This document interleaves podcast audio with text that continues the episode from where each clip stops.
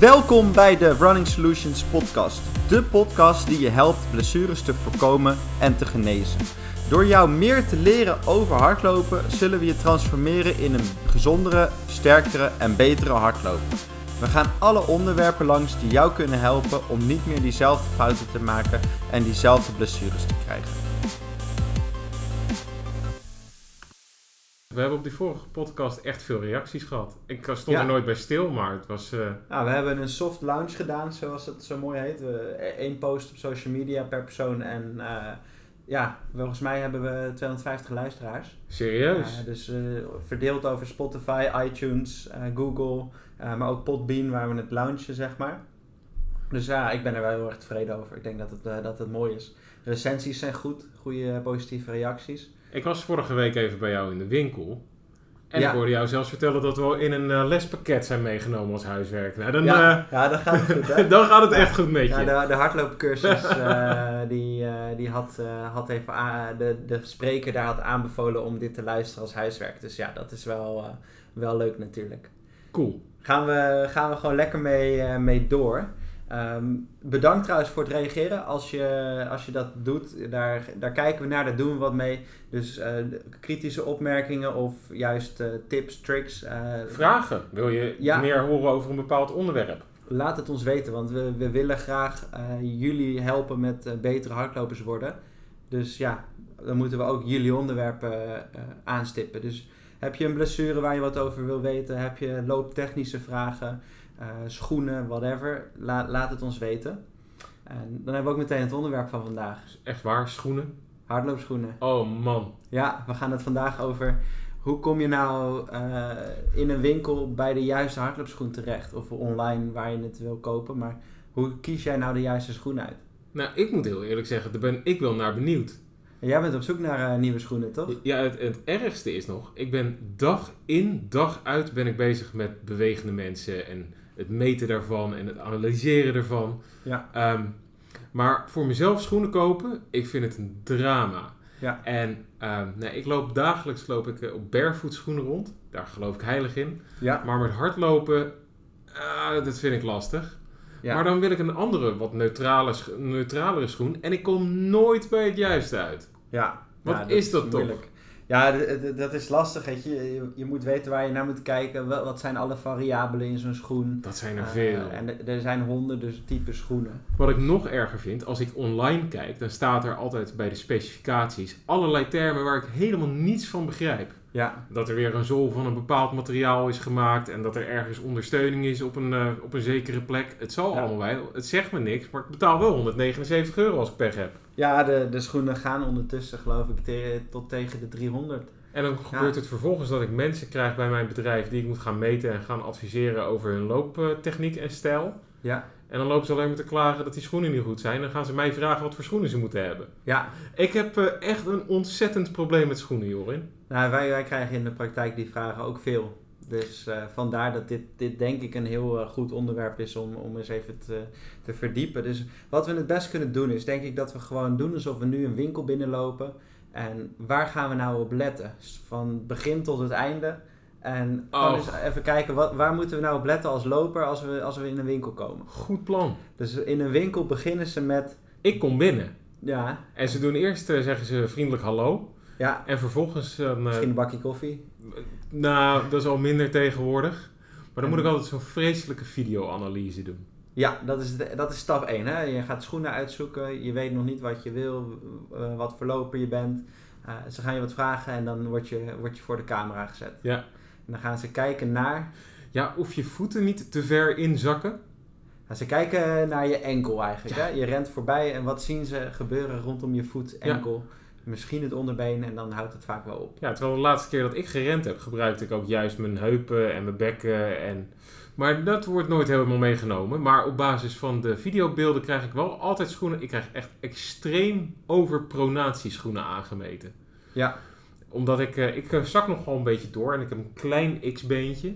Dus ik krijg van die hele dikke vullingen krijg ik altijd in mijn schoen. Op het moment Ja. dat ik hem aantrek, heb ik al pijn. Ja, nou, even goed om te benoemen wat antipronatie is dan. Want nu, eh, nu duiken we er meteen in, maar laten we hem even ontleden.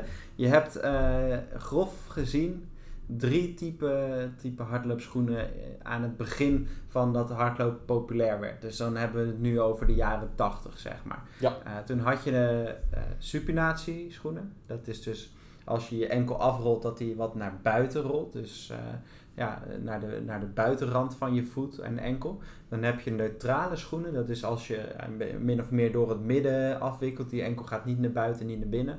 En je hebt pronatie. En dat is een beweging waarbij die enkel juist wat naar binnen rolt als je afrolt. En alle drie die bewegingen zijn normaal. Die, die zijn er binnen verschillende mensen. Ehm, en iedereen kan ook al die bewegingen maken. En toen is er uh, gezegd van nou, daar moeten we schoenen voor maken. Om bijvoorbeeld dat naar binnen rollen of naar buiten rollen, dat moet tegengehouden worden. Weet je waar dat vandaan komt trouwens, van Nee. origine? Dat is een wetenschappelijk onderzoek uit 1947. Ja, Dat is, nou, even denken, dat is eh, heel lang geleden. heel lang geleden, ja. En ehm er was een kolonel namelijk, die wilde voor zijn troepen in het leger, wilde die schoenen custom-made gaan maken. Helemaal Ja. op maat. En toen dacht hij, als ik nou ga kijken naar die boog en ik ga die ondersteunen, dan weet ik zeker dat ze langer kunnen lopen en minder moe worden. Ja, Ehm, uiteindelijk is achteraf wel aangetoond dat dat eigenlijk behoorlijke onzin is. Maar alle onderzoeken die er nu zo'n beetje zijn, die betaald zijn door hardloopschoenfabrikanten, Ja. baseren zich op dat ene artikel. ja wat dus daar hopeloos achterhaald is. Ja, Vreselijk. En daarom moet ik telkens op die overpronatieschoenen lopen als ik voor de videocamera ben geweest van die winkelmedewerkers. ja, ja antipronatieschoenen zelfs. eh, want dat houdt het tegen als het goed is. Precies, Dat dat, is, bedoelde eh, ik. Ja. Ja, dus je hebt, je hebt die drie typen schoenen. En eh, daar, daar zijn dan wel weer gradaties in, maar daar komen we dadelijk wel even op terug. Maar dan, dan krijg je dus die analyse en dan kijken ze dus naar hoe rolt die, die enkel. Gaat hij naar binnen, gaat hij naar buiten of blijft hij dus neutraal? Ja, en dan wordt daar een conclusie aangehangen van wat voor type schoen eh, je nodig hebt. Dus ze kijken eigenlijk naar wat voor voetlanding heb je. Nou, daar hebben we het vorige keer over gehad. Eh, dat maakt niet zoveel uit. Moet je de vorige podcast voor terugluisteren. Ehm, maar dan gaan ze dus daar een conclusie aan hangen. En ze gaan dus kijken hoe rolt die enkel. En daar moet je dan wel of geen correctieschoenen eh, bij hebben. En dan moeten we even vermelden dat die supinatieschoenen of die anti-supinatieschoenen, die bestaan niet meer. Dat, dat is heel gauw, eh, zijn ze daarop teruggekomen, want eh, die werden allemaal teruggebracht. Dus je hebt nu nog wel antipronatieschoenen en neutrale schoenen. En daar zijn dan weer een hele hoop gradaties in gekomen. Ik word daar zo moe van, want iedere keer dan kom ik in zo'n winkel en dan zeg ik, ik wil neutrale schoenen. Ja. En dan zijn er dus 70 soorten neutrale schoenen. Mhm. En er zit nooit echt iets bij wat nou voor mij echt heel erg goed geschikt is, volgens de verkoopmedewerkers. Want die vinden dat jij een antipronatieschoen moet hebben. Ja, sterker nog, ik was ooit in de winkel en toen wilde ik neutrale schoenen mee hebben. En toen had ik zo'n videoanalyse gedaan. Dat meisje wilde me niet eens laten gaan met de schoenen die ik had uitgekozen. Dat kon Ja. niet. Dan ging ik zeker geblesseerd raken, zei ze. Ja, ja dat, dat, ik zou zo'n conclusie niet zo gauw op basis van een schoen kunnen Ik trekken. heb daar maar- trouwens jarenlang blessurevrij op gelopen, wil ik wel even ja, zeggen ja, natuurlijk. Ja, nou, dan, ja, dan zie je dat, dat er wel, eh, wel wat te verbeteren is eh, op, dat, op dat vlak. Maar goed, die Eh, videoanalyse, dat zegt ja. niet zoveel. Daar zijn we wel over uit. Nee, wat we vorige keer ook al zeiden, van het gaat om de gehele loopstijl. Hè? De loophouding, wat doen de, wat doen de armen, de benen, de rug, de, de romp. hoe beweeg je heupen, hoe beweeg je knieën. En dat heeft allemaal invloed op elkaar. Het werkt als, als één geheel en het, je kan het niet als losse delen zien. Het is de som van alle delen bij elkaar die bepaalt eh, hoe een impact wordt opgevangen en, en hoe dat lopen dus gaat. Dus je moet niet zo, zo ingezoomd gaan kijken. Dat- Maar hoe zit het dan? Want ik lees ook, jij weet daar echt veel meer van dan ik. Dus vertel me daar alles over. Het bizarre is, dus al die schoenen vertellen mij dat ik harder ga lopen, dat ik blessures ga voorkomen. Ja. Het is toch nooit helemaal waar. Nou, dat doen ze ook niet meer. Hè. Die claims mogen ze niet meer, eh, die mogen ze niet meer nemen, die claims. Omdat eh, Nike is, eh, onder andere Nike is daar gewoon voor aangeklaagd. En die heeft gewoon een flinke som geld moeten betalen omdat die claim niet onderbouwd is. Dus dat mogen ze niet meer doen en dat doen ze dus ook niet meer. Ehm, behalve als ze bijvoorbeeld bepaalde schoenen hebben waar aan een onderzoek aan gekoppeld zit. En dan refereren ze in hun marketing naar dat. En dan mag het wel. Uh, maar ze mogen niet stellen dat jij niet geblesseerd gaat raken op hun schoenen, want dat, dat kunnen ze niet. Uh, dus dat, dat, is, dat is niet meer zo. Dat hebben ze voorheen wel gedaan, maar dat gebeurt nu niet. Wat zijn nou de, de, de, de type schoenen? Want laten we er eens even induiken. Wat voor type schoenen hebben we nou eigenlijk allemaal als je naar de winkel gaat? Je hebt de Ja. anti-pronatieschoen, je hebt de neutrale schoen, maar je hebt ook nog een soort type schoen. Hè? Je hebt je Ja. barefoot running, je hebt trail schoenen. Ja, je hebt een heleboel ondertussen. Eh, ja, je kan dus grof, grof gezien zeggen, je hebt neutrale schoenen en je hebt antipronatieschoenen. Dat zijn dus schoenen die dat proneren tegengaan. Die zijn wat verstevigd, wat harder aan de binnenkant. Dus de, de dichtheid van het materiaal in de zool is aan de mediale rand van de schoen eh, dik, eh, verdikt. Dus niet per se een dikkere zool, Mediaal de- binnenkant. ja, de binnenkant van de schoen, die is dus, de- dat materiaal is dus een hogere dichtheid, waardoor het stugger is, minder veert. Eh, dat zou er dus voor zorgen dat je enkel niet naar binnen kan rollen. Nou, daar ben ik het niet mee eens. Eh, dat doet wel wat, want het is stugger, dus er, wordt een, een im- impact of een bepaalde eh, sturing gedaan. Maar het is niet zo dat als jij bijvoorbeeld door je knie naar binnen draait en daardoor gaat die enkel mee, dat als je dat blokje daar dan zet, dat die enkel niet meer meegaat. Dan gaat die gewoon net zo hard, alleen dan door de blok heen. Sterker nog, je gaat de knie naar buiten drukken. Dat kan ook. Daar ja. kan je zelfs blessures door krijgen. Ja, Dus als jij pech hebt en jouw overpronatieschoen is iets te dik aan de binnenkant, dan loop je voor je het weet een knieblessure op. ja, dat zou heel goed kunnen. Ja, dus, eh, de, of een andere blessure. Dat, want je gaat eh, gestuurd lopen en in sommige gevallen gaat dat heel goed en dan moet je het ook vooral doen. Dus eh diegene die op zo'n schoen lopen en dat werkt het heel goed voor, moet je het ook zeker doen. Maar er is ook een hele grote groep die daar helemaal niet op moet lopen en waar, waar dat ook wel een risico is. Een van de dingen die mij altijd verbaasd heeft. We lopen al eeuwenlang, duizenden jaren lang, lopen wij op schoenen waar eh, niet aan de zool wordt gerommeld. We hebben vroeger op sandalen gelopen, we hebben, we van alles en nog wat blootsvoets gelopen. Pas de laatste 50 jaar zijn we gaan verzinnen dat misschien als we die zool gaan aanpassen, dat we dat lichaam daar ontzettend mee goed mee kunnen corrigeren. Ja, Ik ben toch geneigd het daar niet helemaal mee eens te zijn. Volgens mij weet het lichaam namelijk veel beter wat het moet doen dan dat die schoen dat kan bepalen voor jou. Nou, de- dat is wel grappig. Er is een, eh, een boek geschreven door een eh, Christoph McDougall, als ik, het, als ik het goed uitspreek. Dat boek heet Born to Run. En dat, dat is gebaseerd op eh, een stam in Mexico, als ik het goed zeg. En dat is de Tamahumara. Dat is een stam die, die woont ver weg van de normale beschaving, zeg maar, zoals wij die kennen. Maar, en, die, en die trainen dus, die rennen dus bijna dagelijks afstanden van boven de 30 kilometer. En eh, die, die rennen dus superveel op sandalen. Op sandaaltjes, hele dunne schoentjes. En eh, wat, wat die eh, Christoph McDowell dus schrijft, is in eerste instantie is een heel verhaal over eh, hoe goed eh, die, die stam kan lopen en hoe mooi dat is. En ze drinken ook nog eens veel bier, dus dat is helemaal mooi. Eh, dus dat, dat is de ideaal. ideaal hè? Je, je hebt geen, geen dure schoenen meer nodig en je mag veel bier drinken en je kan nog steeds hard rennen. Nou, dat is natuurlijk mooi. Ehm, en dan slaat zijn verhaal om richting. Dat moeten wij, met, met dat soort schoenen moeten wij ook rennen. Want de hedendaagse schoenenhandel die gebruikt allemaal trucjes die niet, die niet werken, die niet kloppen, die niet onderbouwd zijn. En dan hebben we het dus over die verdikkingen in schoenen, eh, meer of minder demping. En hij zegt heel rigoureus, dat moeten we niet meer doen. We moeten gewoon op hele dunne schoentjes lopen, want op blote voeten lopen is veel beter dan met hele dikke schoenen. En toen is er een shifting gekomen dat er een hoop lopers zijn, zijn gaan geloven dat het goed is om barefoot running te gaan doen. Dus, eh, maar ja, je kan in, in Europa gewoon niet heel goed op blote voeten rennen, want ja, er ligt overal glas, eh, hondenkak, weet je, ja, je sta, daar sta je niet graag in. Daar sta ik Eh, trouwens met mijn schoenen aan ook niet graag Nee, in. Dat eruit dan- pielen, dan- dat vind ik ook vreselijk. Dan uit word jij in ieder geval niet zo smerig. dat is waar. Maar, dus dat, dat is zeg maar een, een transitie die is gekomen. En toen hebben we dus heel veel mensen naar de barefoot running zien gaan.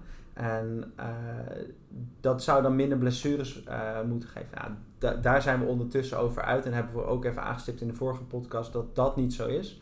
Ehm, maar die schoenen zijn er dus wel nog steeds. Dus, en dat is ook niet goed of fout, maar het is in ieder geval een type schoen die je hebt. Dus dan, dan komen we inderdaad bij je vraag die je net stelde: van wat voor type schoenen heb je nou eigenlijk?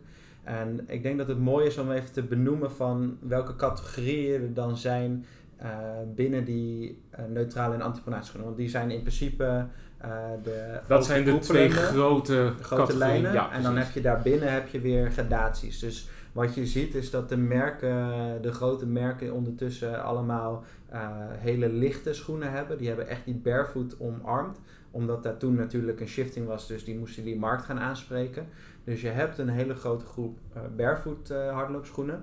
Dan heb je vervolgens, heb je de, in lage demping naar hoog gaan we nu, heb je wedstrijdschoenen. En dat zijn eigenlijk hele lichte hardloopschoenen die je gaan uh, helpen om lekker kort aan de grond te staan. Super dunne schoentjes ook wel. Wel iets wat demping, uh, maar niet gek veel. En die zijn gemaakt voor hele snelle lopers. Maar ook voor de kortere afstanden.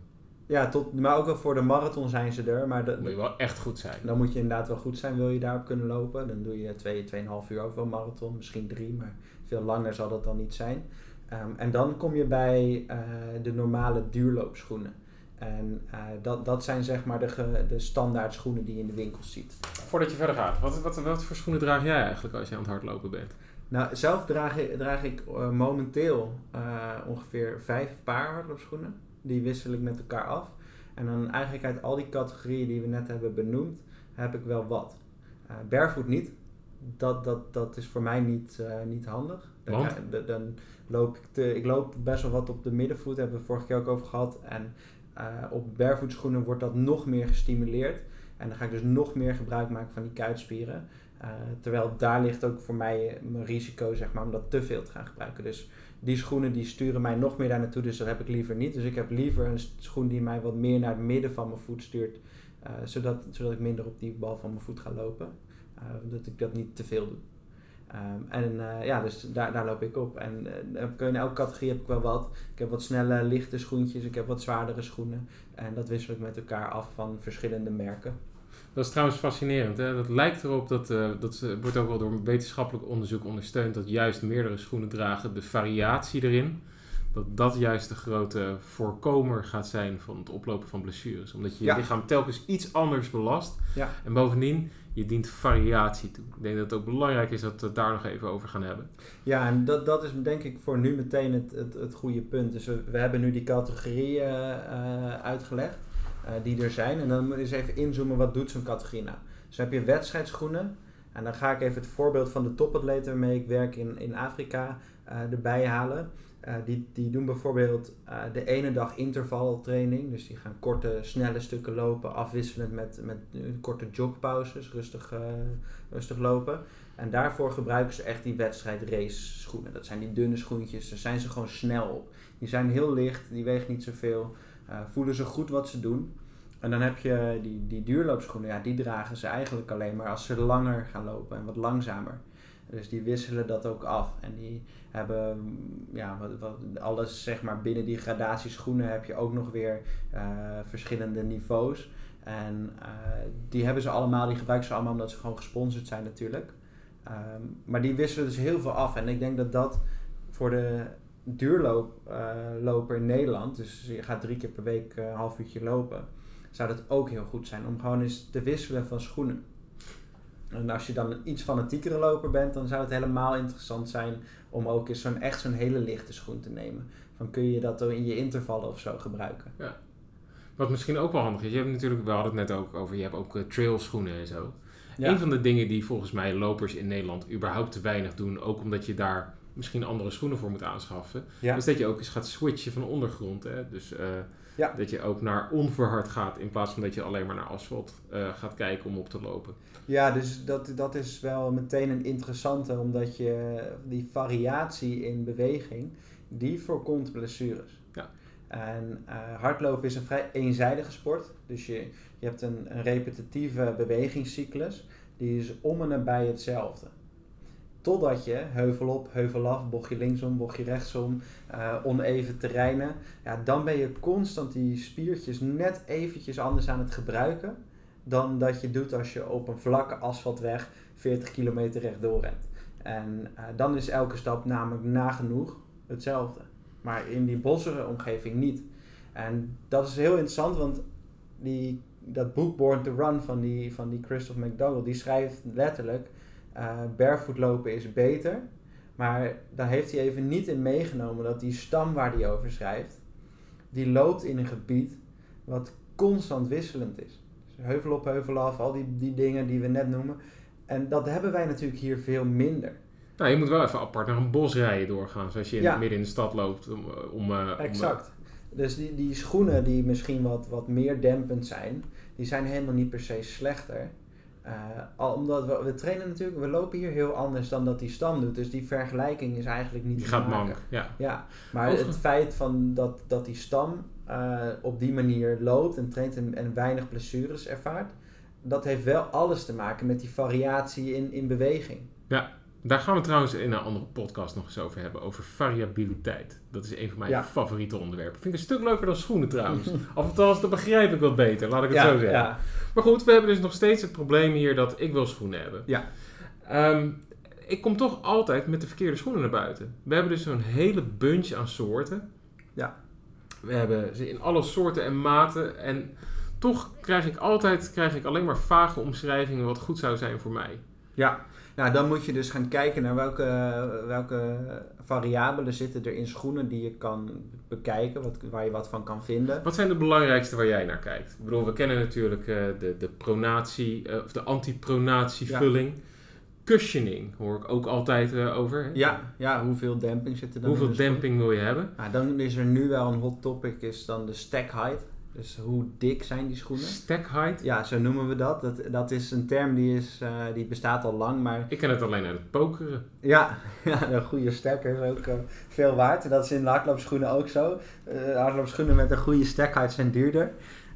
Nee, kijk, wat... wat dat is trouwens wel Nooit waar. geweten dat het daar vandaan kwam. Dat is, eh, dat is wel waar. Maar de, nee, de stack height van hardloopschoenen is hoe dik is die zool nou? En dat is recent een, een wat eh, besproken topic. En dat heeft alles te maken met de innovaties die Nike eh, en nu de andere merken ook in hun schoenen aan het plaatsen zijn. Met eh, vrij dikke zolen, carbonplaten erin. Echt sfering naar voren, stuwing naar voren.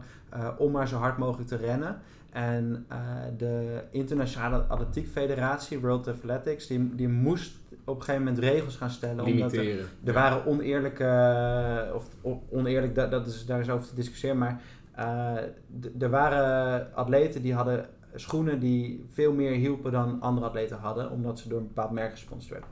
En wat je dus nu hebt, is dat eh, de atletiekfederaties hebben een limiet van 40 mm. Dat is echt dik. Dus dan heb je schoenen van, van echt wel 4, ja, is 4 centimeter. Dat is wel flink. Dat zijn dikke schoenen. En dat is nu de limiet. Dus als je op de 40 mm zit, dan mag het nog.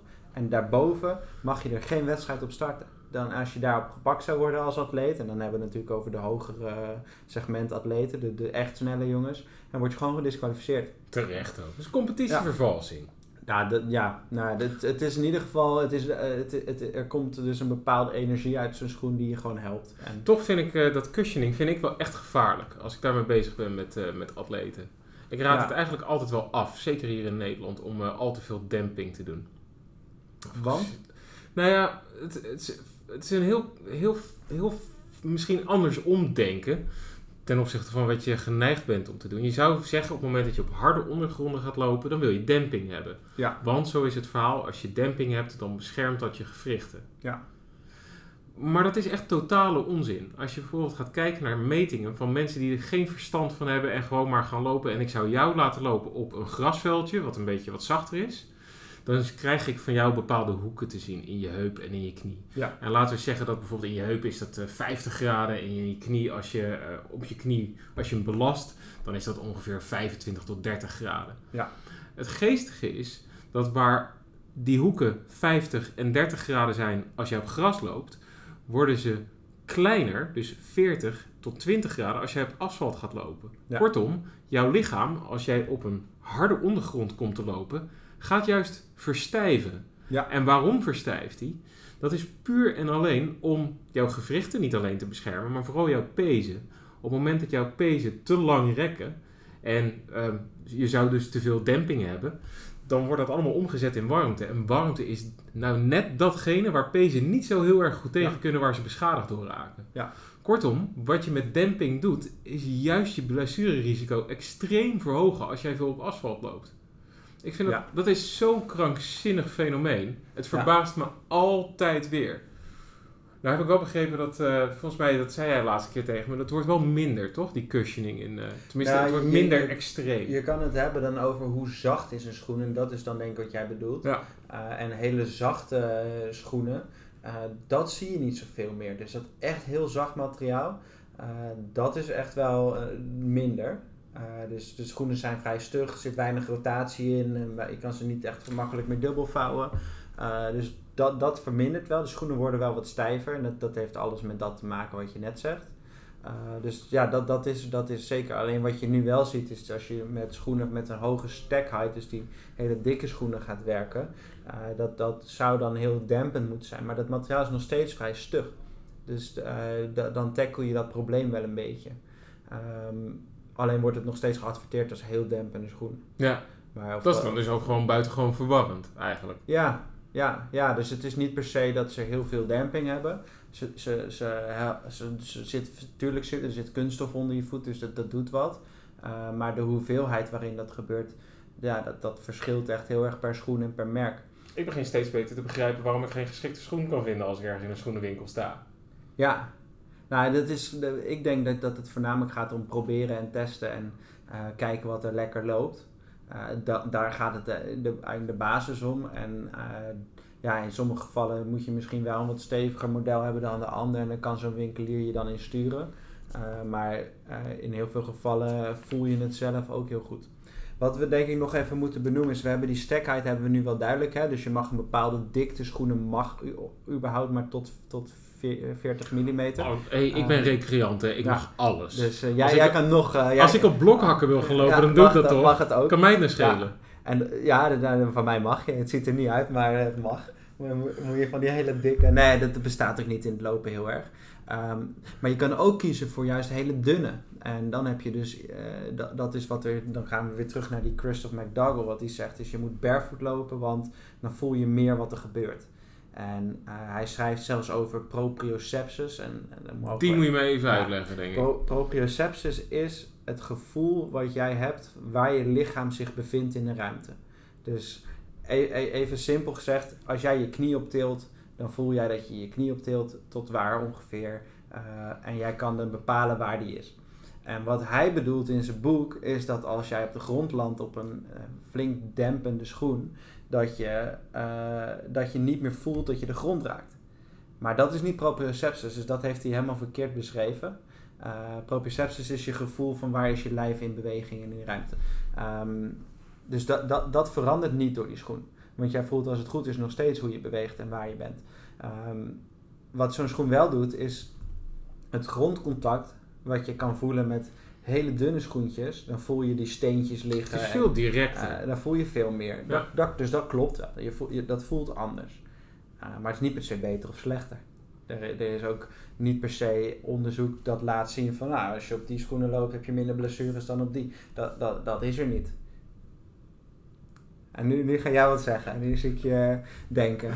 Nou ja, ik vind het zelf. Ik eh, loop in het dagelijks leven loop ik op, op Vivo Barefoots. Ja, Dat vind ik heerlijk. Sowieso, mijn Achillespees is nou jarenlang eh te kort te zijn geweest. Gewoon, gewoon prima weer op lengte gekomen. Die functioneert gewoon weer volledig. Heerlijk is dat. Ik ben daardoor beter gaan bewegen. Minder last van kleine pijntjes in mijn rug of in mijn schouders. ja. Maar ook als ik ga rennen, ben ik er echt een stuk sneller op. Maar dat is op zich logisch natuurlijk. Maar het voelt ook gewoon echt beter. Het lijkt meer ja. alsof ik één ben met waar ik eigenlijk mee bezig ben. Ik loop namelijk buiten. Ja, En het is heel gek eigenlijk. om een heel, je, je raakt heel veel van je waarneming en je perceptie kwijt als je met, met van die hele dikke Ja. zolen gaat lopen. Het is heel onnatuurlijk eigenlijk. Ja, alleen, mag- alleen nee, de- wat je dan even, even vergeet is dat je, dat je dus die schoenen ga je, eh, ga je anders op lopen. Ja, en na 7 kilometer vind ik het niet leuk meer. Precies. Dus de, die belasting op zo'n schoen is best wel hoog. En dat, dat heeft alles te maken met je loopstijl en die, die daardoor verandert. Ehm, dus het is niet per se dat dat dan de holy grail is of zo. Dat, is eh, absoluut niet zo. Het kan, het kan heel goed voor je werken. En er zijn mensen die kunnen daar honderden kilometers op rennen. Uh, maar er zijn ook mensen die dat twee kilometer doen en daarna overal pijn hebben en uh, ja, schoenen uitdoen en in de kliko. Want dat, dat werkt niet voor ze. Ja. Um, dus dat is niet per se beter, um, maar het is anders. En uh, anders is, is goed als je het afwisselt met Dus die, die variatie daarin is denk ik is veel belangrijker dan uh, oh, ik moet dat of ik moet dat. Nee, misschien moet je het allebei. Ik begin een beetje het vervelende gevoel te krijgen wat we vorige week ook op uitkwamen. Er is natuurlijk de, de of de vorige week, wat zeg maar, de vorige, keer, de vorige podcast. Ik begin een beetje het vervelende gevoel te krijgen, net zoals de vorige podcast, dat er is niet één juiste manier. Voorvoetlanden of haklanden eh, of middenvoetlanden, er is geen manier die beter is dan de ander. En ik begin een beetje het gevoel te krijgen met schoenen dat het vooral belangrijker is, maar dat hij gewoon lekker zit en dat je er lekker op loopt. Ja. Dan dat je heel erg gaat lopen uitdokteren hoeveel demping je nou moet hebben en hoe dik die nou gevuld moet zijn, die zool, en hoe stijf die ergens moet zijn. Nou, wat je, wat je, dat, dat klopt. Waar je wel rekening mee moet houden is wat zijn de eigenschappen van een schoen en wat voor invloed heeft dat dus op je loopstijl. Nou ja, precies, want dat is mijn probleem als ik, naar een, als ik naar een winkel ga en ik zeg ik uh, wil gewoon uh, schoenen die lekker zitten. Ja. Nou, dan gaan ze mij geen goede schoen kunnen geven. Nou, dat kan wel, maar dan moet je goed gaan zoeken naar welke eigenschappen zoek je nou wil jij nou eigenlijk. En... Dus de volgende keer ga ik een winkel in en ik wil geen videoanalyse doen. En ik wil ook geen, geen onzin horen over voetbogen en opvullen met antipronatiestukken en cushioning. Ja. Maar ik zeg gewoon tegen de winkelmedewerker, ik wil schoenen die lekker zitten. Waar ga ik dan naar vragen? Nou, dan dat, dat. En dan zeg je, nou, ik wil een neutrale schoen. Hè? Dat is dan in jouw geval, je, die correctieschoenen, die wil jij niet. Ehm, dus dan ga je naar een neutrale schoen vragen. En dan kan je dus zeggen van, nou, je hebt al die categorieën waar we net over hadden. Minder demping, meer demping. Daar kun je naar vragen. En je kan vragen dus naar die stackheid waar we het over hebben gehad. En dan komt er nog een belangrijk punt en dat is de drop. En wat is nou de drop van een schoen? De heel drop. Ja, wat is het hoogteverschil tussen je hak en je teen? Even, even stom gezegd. Dus sta je op een, op een uh, hoge hak of sta je bijna plat? En uh, in, in schoenen heb je even, even grofweg gezegd uh, nul drop, dat is dus, dan sta je dus plat, tot ongeveer 12 mm. Dat is, dat, is echt superveel. Dus dat is 1,2 centimeter. Dat, is echt mega veel. Ja, dus dan sta je wat meer naar je, op je tenen eigenlijk, hè, zoals de dames wel eens op hoge hakken lopen. Uh, dat doe je dan ook een beetje op, op 1,2 centimeter. Um, ja, dat, dat is best wel wat. En je ziet dus de laatste jaren dat schoenenmerken, die zijn aan het switchen naar uh, lagere drops. Dus die, die 12 mm kom je bijna niet meer tegen. Meest is 8, denk ik. Ja, 10 en 8. De, de meeste merken hebben schoenen vanaf 10 en lager. En 10 is, is dus al een centimeter verschil. Dat is al best wel, uh, wel flink. Um, maar wat doet die drop nou? Die, die zorgt er dus eigenlijk voor dat je loopstijl wat verandert. En uh, wat je ziet is hoe lager die drop, hoe meer je naar je voorvoet gestuurd wordt om daar te landen. En hoe hoger die drop, hoe meer je naar de achterkant, dus de hiel van je, of de hak van je schoen, uh, waar je zou gaan landen. En daar hebben we het vorige keer natuurlijk over gehad dat dat niet zo heel veel uitmaakt. Maar het is wel goed om te beseffen, als je een bepaalde loopstijl hebt, en je gaat dus een schoen met een hele lage drop nemen, terwijl je altijd op je hak landt, of op je hiel landt, dan, dan krijg je dus een schoen die iets anders gaat stimuleren dan dat jij gewend bent. En daar zit vaak wel een probleem. Dus de schoen op zichzelf is niet slecht en die zal misschien juist heel goed zijn. Maar als jij uh, één paar hardloopschoenen gebruikt en dat is een, een uh, schoen met 10 mm en je gaat naar de winkel en je gaat naar 4 mm erop. Dan kom je ongetwijfeld in de problemen. Ja. ja. want je gaat anders lopen, je krijgt andere gewrichtsuitslagen, ander spiergebruik, met alle gevolgen van dien. Maar wat je wel zou moeten doen dan, stel nou dat jij last hebt van je kuiten regelmatig, dan kun je dat juist in je voordeel gebruiken. Dan kan je namelijk gaan bepalen van hé, hey, misschien ja. moet ik wel een ander type schoen gaan gebruiken. Ja. Ja, dus wat, wat je zou kunnen zeggen over die drop is bijvoorbeeld... Uh, nou, ik, ik, ik vind dan dat je sowieso als hardloper moet je eigenlijk twee paar schoenen hebben. Um, als je wat fanatieker bent, wat we net ook al zeiden, zou je ook een wedstrijdschoen of een lichter model. Nou, die hebben al, al, al, automatisch een lagere drop omdat je uh, als wedstrijdloper, als fanatieke loper, zal je wat meer geneigd zijn om richting die middenvoet te gaan, omdat dat sneller is. Daar hebben we het vorige keer over gehad. Um, ja, als je dus dan die schoen hebt, dan heb je misschien een duurloopschoen met 10 mm. Je hebt er misschien eentje die zit er tussenin op 8 mm en je hebt er één op 4. Nou, dan kan je dus zeggen van oké, vandaag heb ik intervaltraining. Ik ga uh, 5 keer 1 kilometer hard. En dan gebruik ik die eh, lichte, lage dropschoen. Voel ik iets meer wat ik doe. Maar ik ga ook veel harder, dus dat, dat, is, dat kan dan wel. Eh, je bent dus ook korter bezig vaak. Je bent niet 30 kilometer achter elkaar aan het rennen. Maar, Maar inderdaad, voor de 30 kilometer zondagochtendrun. dan zou je eerder die, die wat meer eh, dempende schoen, dus die wat meer drop heeft. En die zal waarschijnlijk ook ietsjes meer stack height hebben dan die wedstrijdschoen. Al zien we de laatste tijd in wedstrijdschoenen een shifting, maar dat laten we even buiten beschouwing, denk ik. Dat is wat veel. Kunnen we het een andere keer over hebben. Ergens in de toekomst. Carbonplaten en dat soort dingen in schoenen. Ja. Maar laten we het nu even over, over die drop. Dus je, je kan dus gaan kiezen van wat is mijn training vandaag en welke type drop wil ik gebruiken. Lager of hoger. En wat je zelf zou kunnen doen is, oké, ik heb dus twee paar schoenen met 10 mm drop van een, eh, twee verschillende merken. En de ene die doet, eh, die, daar loop ik op, maar die heeft een iets ander materiaal dan eh, die andere schoen. En van het andere merk. En daardoor heeft hij dus ook andere invloed op je lopen. Nou, dan is het misschien wel heel goed om te zeggen, nou, maandag loop ik een uurtje op de ene schoen. Dan doe ik woensdag een intervaltraining op die lichte schoen. En dan doe ik vrijdag weer een duurloop op die andere schoen die ik nog niet had gehad. En dan heb ik wel elke keer net even die variatie en belasting vanuit die, uit die verschillende schoenen. There is no one size fits all. Exact. Ja. Ja, ja, het is dus niet één schoen is perfect voor jou. Nee, je gebruikt juist lekker veel verschillende schoenen. En eh, ja, hoe meer, hoe beter. En Dat ze moeten vooral gewoon lekker lopen. Ja, het moet lekker zitten en, en passen bij de type training dat je doet. Dus de volgende keer dat ik naar de winkel ga, wie dan ook.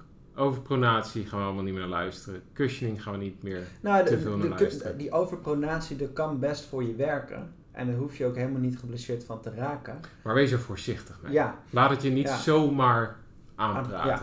en wat, wat wel leuk is om te benoemen bij antipronatieschoenen. Ik heb een tijd eh, eh, met een, een van de grootste atleten van, van de wereld gewerkt. eh, Wereldrecords gelopen en, en een Keniaan.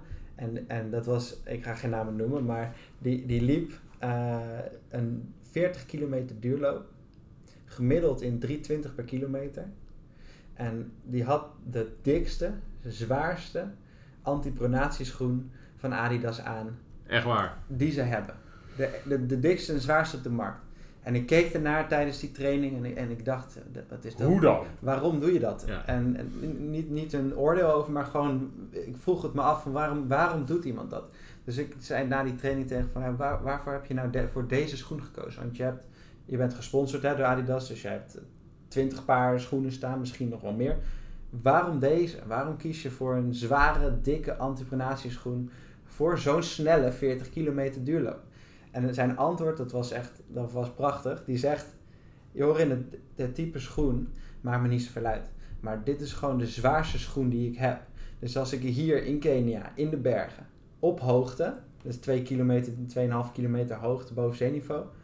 En ik kan dan deze 40 kilometer in 320 gemiddeld lopen.